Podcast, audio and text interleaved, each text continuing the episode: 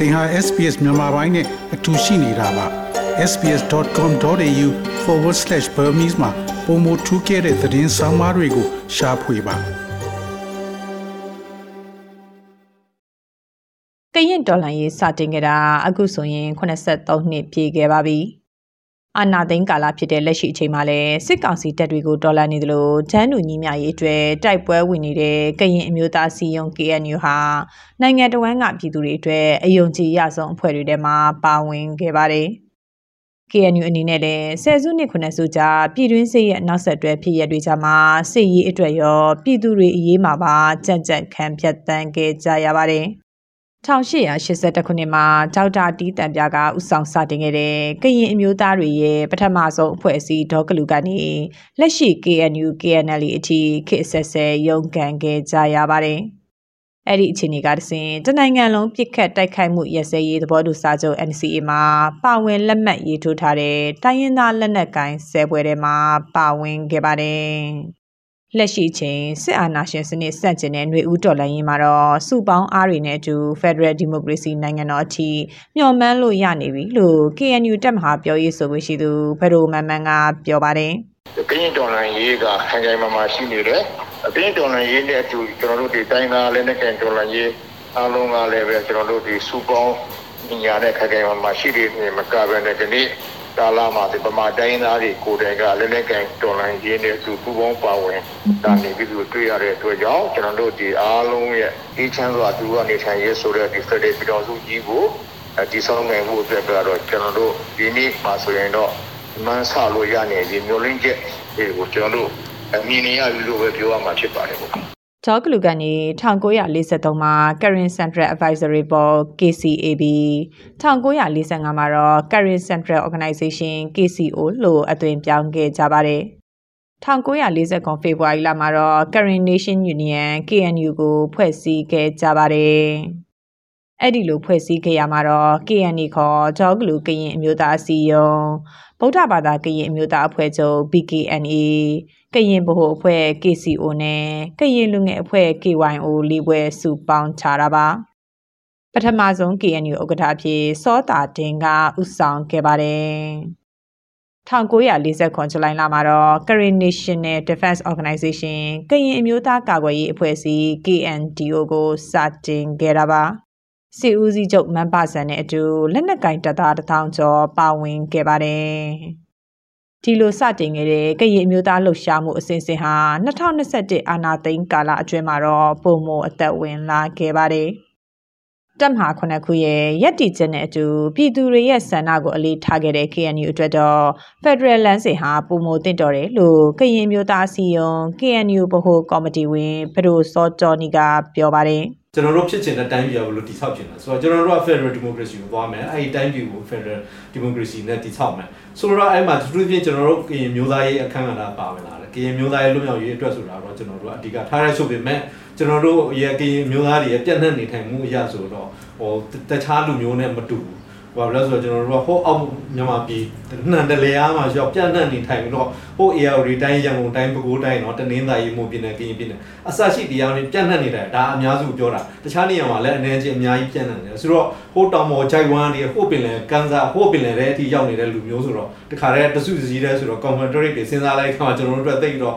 တော့တော်တော်လေးကြွားကြတယ်အဲ့ဒါဘာဖြစ်လဲဆိုတော့ကျွန်တော်တစုစည်းမှာမနေနေတဲ့အခါကျတော့တခြားဟောအမျိုးသားတွေနဲ့ရှင်နေလိုက်ဟိုတခြားဟိုဆိုခိုင်မဲ့ပြောပြောကချင်မဲ့ပြောချင်းပြောသူတို့ကဟိုနေရာတစ်ခုတည်းမှာတော်တော်လေးကိုစုနိုင် ကျွန်တော်တို့အဲ့လိုမဟုတ်ကျွန်တော်ပြန်ကျဲနေပြီးတော့အဲ့လိုမျိုးတခါတည်းဒီလိုမျိုးစဉ်းစားလိုက်တဲ့ဆံမှာဆိုရင်ကျွန်တော်တို့ဘာပြီးတော့ပြန်သွားစဉ်းစားလဲကျွန်တော် Federal ကျွန်တော်တို့ပို့ပြီးတော့အသင့်တော်ဆုံးဖြစ်တယ်ဆိုတာကျွန်တော်တို့ဖြတ်တန်းမှုရရောကျွန်တော်တို့တော်လိုင်းသက်တမ်းရရောတော်တော်လေးကိုအဆင်ပြေတယ်ဆိုတာကျွန်တော်တို့တွေ့လာတဲ့အခါမှာခုတက်တီအဲ့ဒါကိုဘာမှပြောင်းလဲမရှိဘူး ကရင်ပြည်ချက်ချင်းပေးကရင်တစ်ချက်ဗမာတစ်ချက်ချက်ချင်းပြလူမျိုးရေးအတိကယုံအလိုမရှိပြည်တွင်းစစ်အလိုမရှိကြေးကြော်တန်နေတဲ့အတူ1948ဖေဖော်ဝါရီ17ရက်ဆန္ဒထုတ်ဖော်ပွဲမှာကရင်လူထု၄သိန်းကျော်ပါဝင်ခဲ့ပါတယ်လက်ရှိຫນွေဦးတော်လက်ရေးကာလအတွင်းမှာလည်းစစ်အာဏာသိမ်းမှုအလိုမရှိကြောင်းပြည်သူတွေဆန္ဒထုတ်ဖော်မှုမှာ KNU လုံခြုံရေးတပ်ဖွဲ့တွေကကာကွယ်ပေးခဲ့ကြပါတယ်။ ဖက်ဒရယ်ပြည်ထောင်စုဆိုတဲ့စကားလုံးတွေနောက်မှာအားလုံးဟာဂျမ်းတူအခွင့်အရေးညညွတ်ပေါင်းစည်းရေးတွေနဲ့ခရီးဆက်ရမယ်လို့ပရိုစောတော်နီကဆိုပါတယ်ဘာဖြစ်လဲဆိုတော့ကျွန်တော်တို့ကရင်မျိုးသားရဲ့လွတ်မြောက်ရေးနဲ့ဗမာတမီလုံးရဲ့အမျိုးသားအဗမာတမီလုံးမှာရှိတဲ့ပြည်သူလူထုရဲ့လွတ်မြောက်ရေးဆိုတာဘယ်လိုမှခွဲခြားလို့မရဘူးဆိုတော့ကျွန်တော်တို့ကအတူနေထိုင်ကြတယ်လေရောပြီးတော့နေထိုင်ကြတဲ့ခါကျတော့ ကိုယ့်ကိုယ်ကိုစဉ်းစားလိုက်တဲ့သူများတွေကတခါတည်းဟိုဟိုထက်ပြီးတော့စဉ်းစားရတယ်ဆိုတော့ကိုယ့်ရဲ့အလေးထားလို့ဖြစ်နေပြီဖြစ်ကျွန်တော်တို့ကတိဆောက်ချင်တဲ့ Ozo Federal ကြတော့ဘယ်လိုပဲဖြစ်ဖြစ်ကိုယ်ဆိုင်ရာပြည်နယ်အသီးသီးမှာเนาะဟိုလူမျိုးအသီးသီးမှာရှိတဲ့ပြည်နယ်တွေကတော့ကိုယ့်ရဲ့ပြည်နယ်အားကောင်းရေးအတွက်တော့ပို့ပြီးတော့ဟိုအယုံစိုက်ချင်တယ်ဘာလို့လဲဆိုတော့ဒါက ဟိုဟိုစားပြည်နယ်အားကောင်းမှာပဲဟိုစားပြည်တော်စုအားကောင်းလို့ဆိုတော့ကျွန်တော်တို့ရဲ့ဟိုစားယူဆနေတဲ့အနေအထားမှာရှိတဲ့ခါကျတော့ဘယ်လိုပဲဖြစ်ဖြစ်ဟိုကိုယ်ကရင်ပြည်ပဲဖြစ်ဖြစ်ဗမာပြည်ပဲဖြစ်ဖြစ်เนาะဟိုရခိုင်ပြည်ပဲဖြစ်ဖြစ်ရှမ်းပြည်ပဲဖြစ်ဖြစ်မွန်ပြည်ပဲဖြစ်ဖြစ်ဘယ်လိုပဲဖြစ်အဲ့လိုအနေထားကိုပြည်တော်ချင်းချင်းဒီပေါင်းစုလာပြီးမှပြည်တော်စုဖြစ်လာတဲ့ခါမှာအသီးသီးမှာရှိတဲ့ပြည်တော်တွေကသူကတပြည်တော်ရင်းလိုက်ရပုံမအားကောင်းအောင်လုပ်ဖို့ဆိုတာတိအရေးကြီးပါတယ် အဲ့ဒီခါမှာရှိမှပဲကျွန်တော်တို့ပြည်တော်ရောပူအားကောင်းသွားတော့ဆိုတာကျွန်တော်အနေထားကိုတော့သဘောကျတယ်ဟိုသဘောကျတဲ့အလောက်ကျွန်တော်တို့လည်းကြိုးစားလာတာလည်းဖြစ်တယ်ကရင်မျိုးသားတွေရဲ့လက်နက်ကင်ဒေါ်လာရေးစတင်ခဲ့တဲ့ရန်ကုန်မြို့အင်းစိန်တိုက်ပွဲဟာ1949ဇန်နဝါရီ31ရက်မိုးတောက်ချိန်မှာထွက်ပေါ်ခဲ့ပါတယ်။ဖဆပါလာအစိုးရရဲ့စစ်ရဲတပ်ရဲ21က KNDO တပ်တွေကိုစတင်တိုက်ခိုက်ခဲ့တာပါ။ မှတ်တမ်းတင်ခဲ့တဲ့အထိဖြစ်စဉ်တစ်ခုကတော့စစ်တပ်ရဲ့အမြောက်တပ်ဗိုလ်မှူးအောင်စိန်ဟာ KNDO စီကိုတတက်လုံးပါဝင်ပူးပေါင်းခဲ့ကြပါတယ်။တလအကြာမှာတော့အင်းစိန်ကိုတိမ့်ပိုက်နိုင်ခဲ့ပါတယ်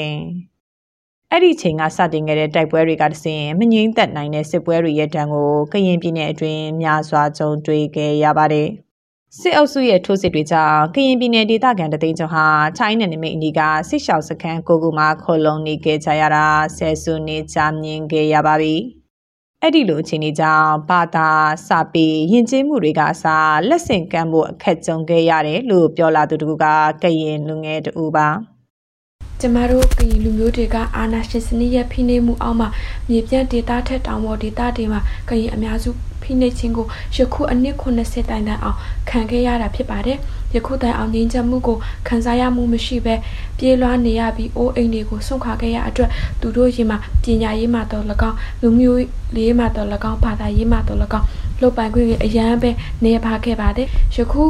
ကျမတို့မြေပြန့်ဒေတာမှာဆိုလို့ရှိရင်ပညာရေးပိုင်းအနေမှာလည်းကျမတို့မတူတဲ့အခြေအနေတွေနဲ့အနေခံခဲ့ရပါတယ်စာပေပိုင်းမှာကျတော့လည်းမိဘအများစုကလည်းသူတို့သားသမီးကို ဒီကရင်ဘာသာကိုလေ့လာဖို့အတွက်စာပေကိုမျက်နှာဖို့အတွက်တိုက်တွန်းကြဖို့အတွက်အလွန်ပဲခဲရင်ပြီးတော့အာယုံနေခဲ့ပါတယ်ဒီအချိန်တွေကိုတစ်ချိန်အာနာရှင်စနစ်ပပျောက်သွားတဲ့အချိန်မှာကျမတို့တန်းသူအခွင့်အရေးဆိုတဲ့အရာကိုရယူပြီးတော့သူတို့တွေမရရှိခဲ့တဲ့အခွင့်အရေးကိုရရှိဖို့အတွက်မျှော်ရှိပါတယ်။အာနာသိန်းကာလအတွင်းစစ်ကောင်စီကိုထိုးစစ်ဆင်နိုင်ခဲ့တဲ့တိုင်းရင်းသားလက်နက်ကိုင်တွေထဲမှာ KNU လည်းအပါအဝင်ပါ။ ပြီးခဲ့တဲ့2021ခုနှစ်တနှစ်တာအတွင်း KNU တပ်မဟာတွေအားလုံးမှာတိုက်ပွဲပေါင်းအကြိမ်ကြီး3100ကျော်ဖြစ်ပွားခဲ့ပါတယ်။လက်ရှိ2022ခုနှစ်ထဲမှာလည်း KNU ရဲ့ပြီးခဲ့တဲ့ဧပြီလကုန်ထိထုတ်ပြန်ချက်အရလေးလကြာတွင်တိုက်ပွဲပေါင်း1884ကြိမ်အထိဖြစ်ပွားခဲ့ပါတယ်။ပြီးခဲ့တဲ့ရက်ပိုင်းမှာပဲမြောက်ရီမြို့နယ်အတွင်းကစစ်ကောင်စီတပ်ဆွဲထားရာတေဘောဘိုစကန်ကိုတင်ပိုက်နိုင်ခဲ့ကြပါတယ်။ ဒီလိုသိမ့်ပိုက်နိုင်ရမှာလဲပြည်သူ့လုံခြုံရေးတပ်ဖွဲ့တွေရဲ့အားနဲ့အတူစစ်ကောင်စီတပ်သားတွေရဲ့ပူးပေါင်းပါဝင်လာမှုကလည်းသက်ဆိုင်မှုရှိလာတယ်လို့ဘရိုမန်မန်ကဆိုပါတယ်ဒီလက်နက်ကန်တိုက်ပွဲရဲ့အာသာမှုအလားအလာကစီရေးရကျွန်တော်နေမြေကိုတိုက်ထုတ်ပြီးတော့မှတိမ့်ပိုက်တာဒီဒီနေမကတော့ပဲနဲ့ဒီကျွန်တော်တို့ရဲ့ဒီကျွန်တော်တို့ရဲ့တစ်ဖက်ပေါ်ပြတိုက်ပွဲဝင်တဲ့တစ်ဖက်ရန်သူရဲ့ဘ ယ်လိုပြောမလဲဆိုတော့လေတစင်ကတွေးခေါ်ယုံကြည်မှုတွေအဲပြောင်းလဲလာတာလဲတွေ့နေရတဲ့ခါကျတော့ကျွန်တော်တို့ရဲ့ဒီလက်နက်ကန်တိုက်ပွဲကလည်းအရင်ကတော့အားဆိုင်တွေဟာအာတိတ်ပြီးတော့မလို့တော့ဘူးစီအရင်ကတော့လည်းကျွန်တော်တို့ကလည်းဘယ်လိုပြောမလဲဆိုတော့စစ်ပြီးလာရပါတော့ခက်ခက်ခက်ခက်တင်းရှိတော့ဘူးတော့ပြောချင်တာကတော့ဒီဒီစစ်ကောင်စီတပ်သားတွေကကိုယ်နဲ့ကပြည်သူ့ဘက်ကိုပါဝင်လာတယ်ကျွန်တော်တို့ရဲ့ တနက်ကင်ဒေါ်လာရေးဘက်ကလည်းဟောတော့ဒီဒီတရားရဲ့စစ်ပွဲဖြစ်တယ်ဆိုတဲ့ဟာကိုပါသူတို့ဘက်ကလည်းမြင်လာတဲ့အတွက်ကြောင့်ကျွန်တော်တို့ဒီအပေါ်မှာအခြေပြုပြီးကတော့ကျွန်တော်တို့ရဲ့လက်နက်ကန်အဲတိုက်ပွဲကြီးကဟာသူကစားဘူးဆိုလဲစက်တိုက်စက်တိုက်ပေါ့နော်အောင်မြင်မှုရတယ်ဆိုတာကလည်းပဲကျွန်တော်တို့ကြီးပဲစီရေးရစူးစမ်းမှုမကပါဘူးဒီရန်သူဘက်ကပေါ့ဘက်ကတော့လည်းဒီစစ်ကောင်စီဘက်က တတမတော်တပ်သားတွေတက်ကလည်းသူတို့ရဲ့ယုံကြည်မှုအကြောင်းအလဲတွေအဲရှိလာတယ်ပဲဆိုတာလဲဆက်ဆက်နေတယ်လို့ပဲပြောရမှာဖြစ်ပါတယ်လက်နက်ချညံ့ခံခြင်းအလျင်းမပြောရကရင်လက်နက်ကရင်တွေကင်ထားရမယ်ကရင်ပြည်အတိအမတ်ပြုခြင်းနဲ့ပြီးပြည့်စုံရမယ်